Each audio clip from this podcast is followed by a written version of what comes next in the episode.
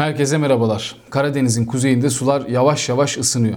Rusya Ukrayna sınırına askeri yığınak yapıyor şu sıralar ve bu durum Ukrayna ile birlikte birçok ülkeyi tedirgin ediyor. Bu Kasım ayının sonunda yani bundan birkaç hafta evvel Ukrayna İstihbarat Ajansı Başkanı tüm Ukrayna'yı korkutan o soruya yanıt verdi. Ocak ayının sonunda Rusya'nın Ukrayna'ya saldıracağını iddia etti. Hava saldırıları ve topçu ateşiyle Odessa ve Mariupol'a saldırılar olacağını aynı zamanda da Belarus üstünden küçük bir saldırı beklediklerini açıkladı. Şu sıralar Ukrayna-Rusya sınırında 100 bin kişilik Rus kuvvetlerinin olduğu Ukrayna tarafından paylaşıldı.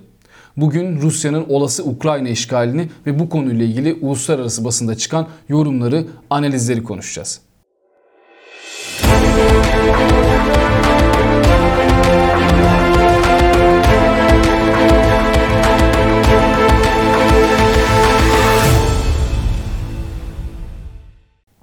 Rusya Ukrayna'yı işgal edecekleriyle ilgili iddiaları kabul etmiyor. Son olarak Rusya Genelkurmay Başkanı Valeri Gerasimov bu iddialara verdiği yanıtında şöyle söyledi. Ukrayna'ya helikopterler, insansız hava araçları ve uçaklar tedarik edilmesi Kiev'i keskin ve tehlikeli adımlar atmaya yöneltiyor. Ukrayna ordusu Donbas'ta ABD tarafından sağlanan Javelin tank savar füze sistemlerinin kullanılmaya başlandığını açıkladı. Sonuç olarak ülkenin doğusunda bunlar olmadan da tırmanan durum daha da kötüye gidiyor dedi.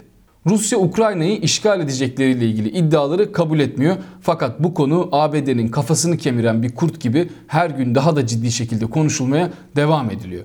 ABD'nin Ukrayna'yı savunmak için şu anda Rusya'ya ekonomik yaptırım uygulamak dışında ciddi bir planı yokmuş gibi gözüküyor.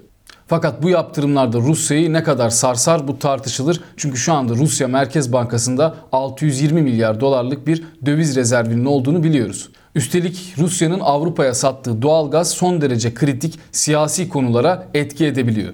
Dolayısıyla ABD'nin Rusya'ya uygulayacağı bir yaptırım e, Avrupa'daki Amerikan müttefiklerine zarar verebilir. İşin böyle de bir tarafı var. Tam bu konuyla alakalı. Amerika'nın e, olası bir Ukrayna işgalini nasıl engelleyeceği konusuyla alakalı e, ABD ordusunda emekli yarbay olarak görev yapmış Alexander Windman New York Times'ta çok güzel bir makale yayınlamış. Yazının başlığı ABD Rusya'nın Ukrayna tutumunu nasıl kırabilir? Bu yazıdan öne çıkan birkaç başlıktan bahsedeyim. ABD'nin Ukrayna'ya hava savunma sistemleri, anti gemi füzeleri ve askeri envanterler göndermesinin faydalı olacağını fakat ABD'nin bu riskten kaçtığını söylüyor emekli yarbay. Biden yönetiminin Ukrayna ilgili tutumunu hem taktik hem de stratejik olarak değiştirmesi gerektiğini söylemiş. Bugüne kadar ABD'nin Ukrayna'ya yönelik dış politikası Kremlin'in kontrol altında tutamadı diyor. ABD çıkarlarının NATO sınırlarında sona erdiği gibi açıklamalar Putin'i cesaretlendiriyor demiş. Emekli Yarbay başka bir pencere daha açmış şöyle söylüyor. Son 30 yılda Ukrayna demokrasi konusunda büyük adımlar attı. 6 Cumhurbaşkanı değişimi, 2 devrim ve şiddetli protestolardan sonra Ukrayna halkı Amerikan değerlerinin en temelini yansıtan bir mesaj gönderdi diyor. Temel haklar ve otoriter baskılara karşı savaşacaklar diyor. ABD tarafından desteklenen müreffeh bir Ukrayna tablosu uzun vadede Rusya'yı yaşayamaz hale getiriyor diyor. Neden böyle söylüyor? Bu kısmı birazcık açmış. Ukrayna'nın demokrasi konusundaki başarısı Rusya'nın irredentist özlemlerini alt üst edecek ve Kremlin'in başarısızlığını vurgulayacaktır demiş. Sonra da bir benzetme yapmış. Tıpkı Soğuk Savaş zamanında Batı Almanya'nın Doğu Alman devletine kıyasla daha başarılı olup onu gölgede bırakması gibi demiş. Bu nedenle Putin'in Ukrayna'nın başarısız olmasına ihtiyacı var demiş. Bu arada Rusya Devlet Başkanı Vladimir Putin geçtiğimiz Temmuz ayında Ruslar ve Ukraynalıların tarihsel birliği üzerine isimli 5000 kelimelik bir makale yayınladı. Makalede Ukrayna tarihinden, Ruslar ve Ukraynalıların tarihsel birliğinden bahsediliyor. Osmanlı'dan da bahsetmiş, Kırım ve diğer bölgelerin Osmanlı'dan çıkıp Rus bünyesine girmesinden bahsetmiş. Putin'in bu makalesi şu aralar Ukrayna-Rus ilişkilerini analiz eden, takip eden herkes tarafından dikkatlice e, takip ediliyor ve yazılarda bu makaleye çokça yer veriliyor. Bu makale Türkiye'de pek konuşulmadı fakat Rusya'nın Ukrayna üzerindeki iddialarını en güncel şekilde en üst düzeyde anlatan çok güçlü bir yazı. Özet olarak Putin bu yazısında Ukrayna'nın gerçek egemenliğini ancak Rusya ile ortaklık içinde mümkün olduğunu yazmış. ABD merkezli The Hill gazetesinde de Thomas Wright imzasıyla yayınlanan yazıda bu makaleden bahsedilmiş. İktidarının 30. yılında Putin eğer kararlı adımlar atmazsa Ukrayna Rusya'dan daha da uzaklaşacak demiş. Thomas Wright yazısının sonunda şöyle de bir yorum yapmış. Bunu da paylaşayım. Bu kriz sadece Minsk anlaşmaları veya Rusya-Ukrayna arasındaki anlaşmazlıktan ibaret değil, e, büyük güçler arasında çıkabilecek ve uluslararası düzeni sarsabilecek nitelikte askeri bir çatışmayı görmeye hazır olup olmadığımızla alakalıdır demiş.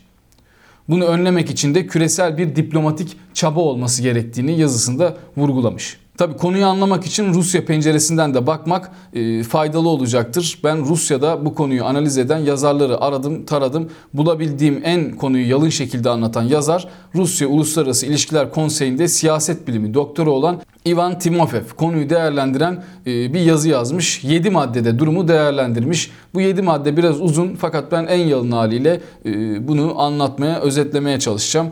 İlk olarak Rusya'nın son yıllarda yaptığı geniş ölçekli operasyonlardan bahsetmiş Timofev.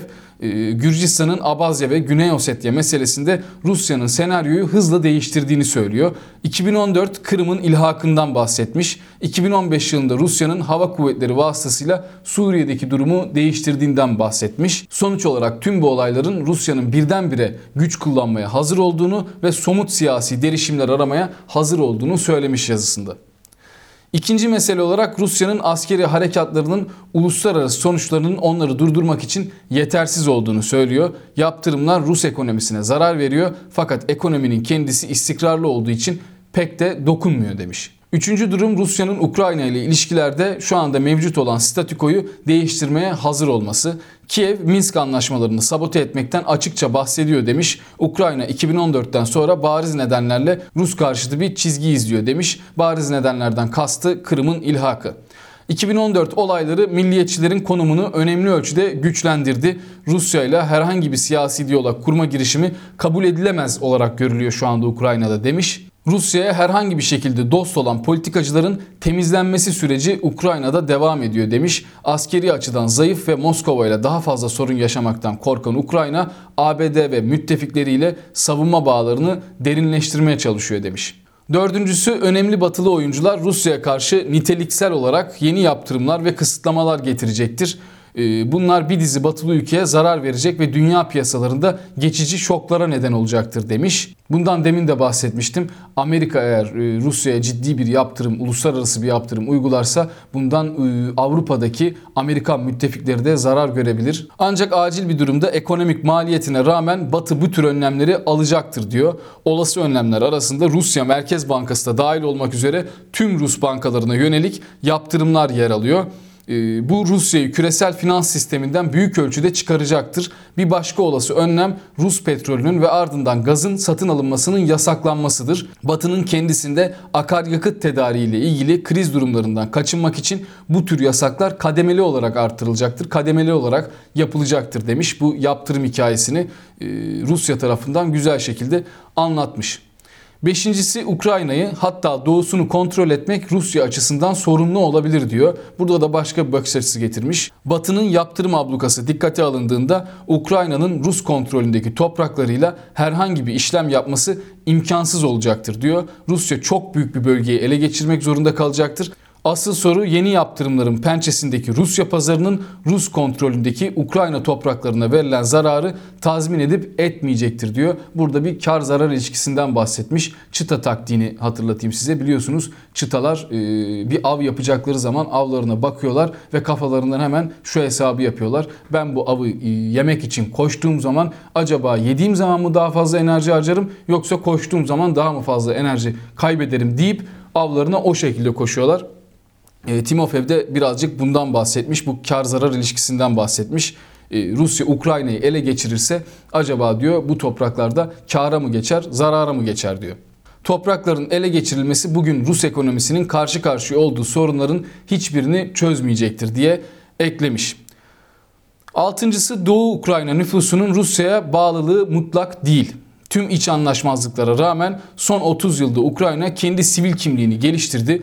Doğu bölgelerinin nüfusu aşırı milliyetçilere karşı olumsuz bir tavır sergileyebilir. Ancak bu Rusya'ya bağlılıklarını garanti etmez diyor. Dahası savaş son 6 yılda zaten azalmış olan Rus sempatisini daha da diyor azaltabilir. E, bu durumu daha da baltalayabilir diyor. Ivan Timofey'in bu makalesi e, Rus bakış açısını anlamamız için ve Rusların aslında kafalarında ne düşündüğünü bu konuyla ilgili e, anlamamız için gerçekten güzel bir makale. Okuyanlar, konuyla ilgilenenler bunu okursa pişman olmayacaktır. Tüm bu gelişmeler yaşanırken Amerikan Başkanı Biden'la Rusya Başkanı Vladimir Putin görüntülü olarak görüştüler. Biden Ukrayna sınırına yakın Rus birliklerinin birikmesi konusundaki endişelerini dile getirdi. E, gerginliği azaltma çağrısında bulundu. Putin Ukrayna'yı provokasyonla suçladı ve NATO'nun doğuya doğru genişlemesini ve Rusya'ya yakın yerlere silah konuşlandırılmasına karşı garanti istedi. Geçtiğimiz salı günü yapılan bu çağrıdan sonra ABD Ulusal Güvenlik Danışmanı Jake Sullivan Biden yönetiminin gerekli olması halinde önümüzdeki haftalarda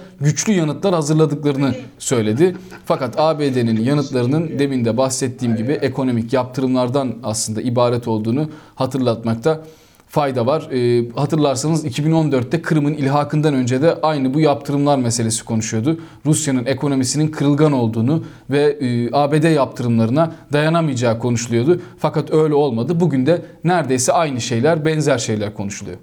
Bir yazıdan daha bahsedeceğim bu konuyla ilgili. Nigel Golddice Foreign Policy'ye e, Ukrayna'nın işgaliyle ilgili bir yazı yazmış ve 3 tane ihtimalden söz etmiş. Bunları kısaca size özetleyeceğim.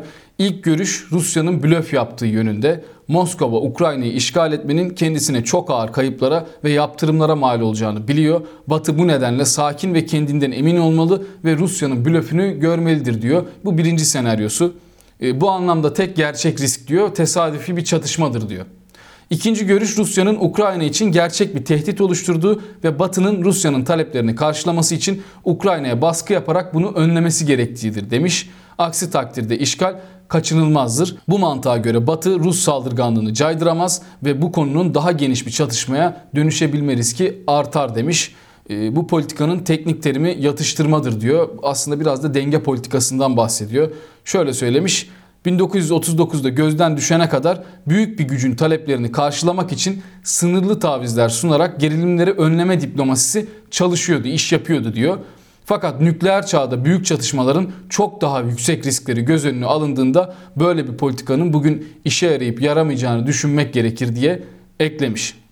Davis'in gördüğü üçüncü ihtimalde şu şekilde Ukrayna'nın Rusya'nın Minsk anlaşmalarına ilişkin yorumunu kabul etse bile bu Rusya'nın taleplerinin sonu olmaz diyor. Putin'in Temmuz ayında yayınlanan yine bu makaleden bahsediyor. Rusların ve Ukraynalıların tarihsel birliği üzerine başlıklı makalesinin egemen bir devlet olarak meşruiyetini fiilen reddediyor. O zamandan beri bu metin Rusya'nın birikimi ışığında yazılmış bir manifesto gibi gözüküyor demiş. Son olarak şöyle söylemiş Times Foreign Policy'ye yazdığı yazısında bütün bunlar Rusya'nın emellerinin Donbas'ın statüsünün çok ötesine geçtiğini gösteriyor. 2014'te tanıtılan ve 2015'te sessizce rafa kaldırılan ama asla reddedilmeyen Novorossiya projesi Rusya'nın Ukrayna toprakları üzerinde çok daha kapsamlı kontrolünü öngörüyordu. Minsk anlaşmalarının Rusya'nın istekleri doğrultusunda tek başına uygulanması Moskova'yı tatmin etmeyecektir demiş zamanı gelince başka talepler de gelecektir diye e, güncel durumu analiz etmiş. Peki Rusya Ukrayna'yı işgal ederse ne olur? Bu soruya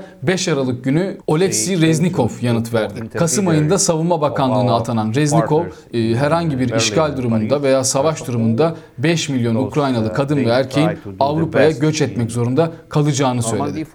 Rusya'nın Ukrayna'yı işgaliyle ilgili çıkan en önemli haberse Washington Post'un ABD istihbarat birimlerin gizli analizlerine dayandırdığı haberdi. Habere göre Rusya önümüzdeki yıl Ukrayna'yı işgale hazırlanıyor ve bu işgali 175 bin askerle yapacak. Buna göre Moskova farklı cephelerden saldırıya geçebilmek için şu anda 4 farklı bölgede askerlerini konuşlandırmış durumda. Yüzlerce taburdan oluşan taktiksel birliklerin herhangi bir işgal durumu sırasında e, tank ve top gibi ağır askeri teçhizatlarla donatılacağı öne sürülüyor Washington Post'un haberinde ve Rusya'nın bu birlikleri sürekli olarak Ukrayna sınırına doğru götürüp geri çekmesinin bir güvensizlik ortamı yaratmak için e, yapıldığını da söylemişler. Bugün Rusya'nın olası Ukrayna işgali ile ilgili uluslararası basında çıkan birkaç makaleden, birkaç analizden bahsettik. Fakat giremediğimiz, e, konuşamadığımız birçok nokta var. Türkiye olası bir işgal durumunda ne yapar? Nasıl refleks gösterir? Bu konulara pek fazla değinemedik. Bunları da önümüzdeki videolarda konuşuruz. Beni dinlediğiniz için çok teşekkür ediyorum. Kendinize iyi bakın. Hoşçakalın.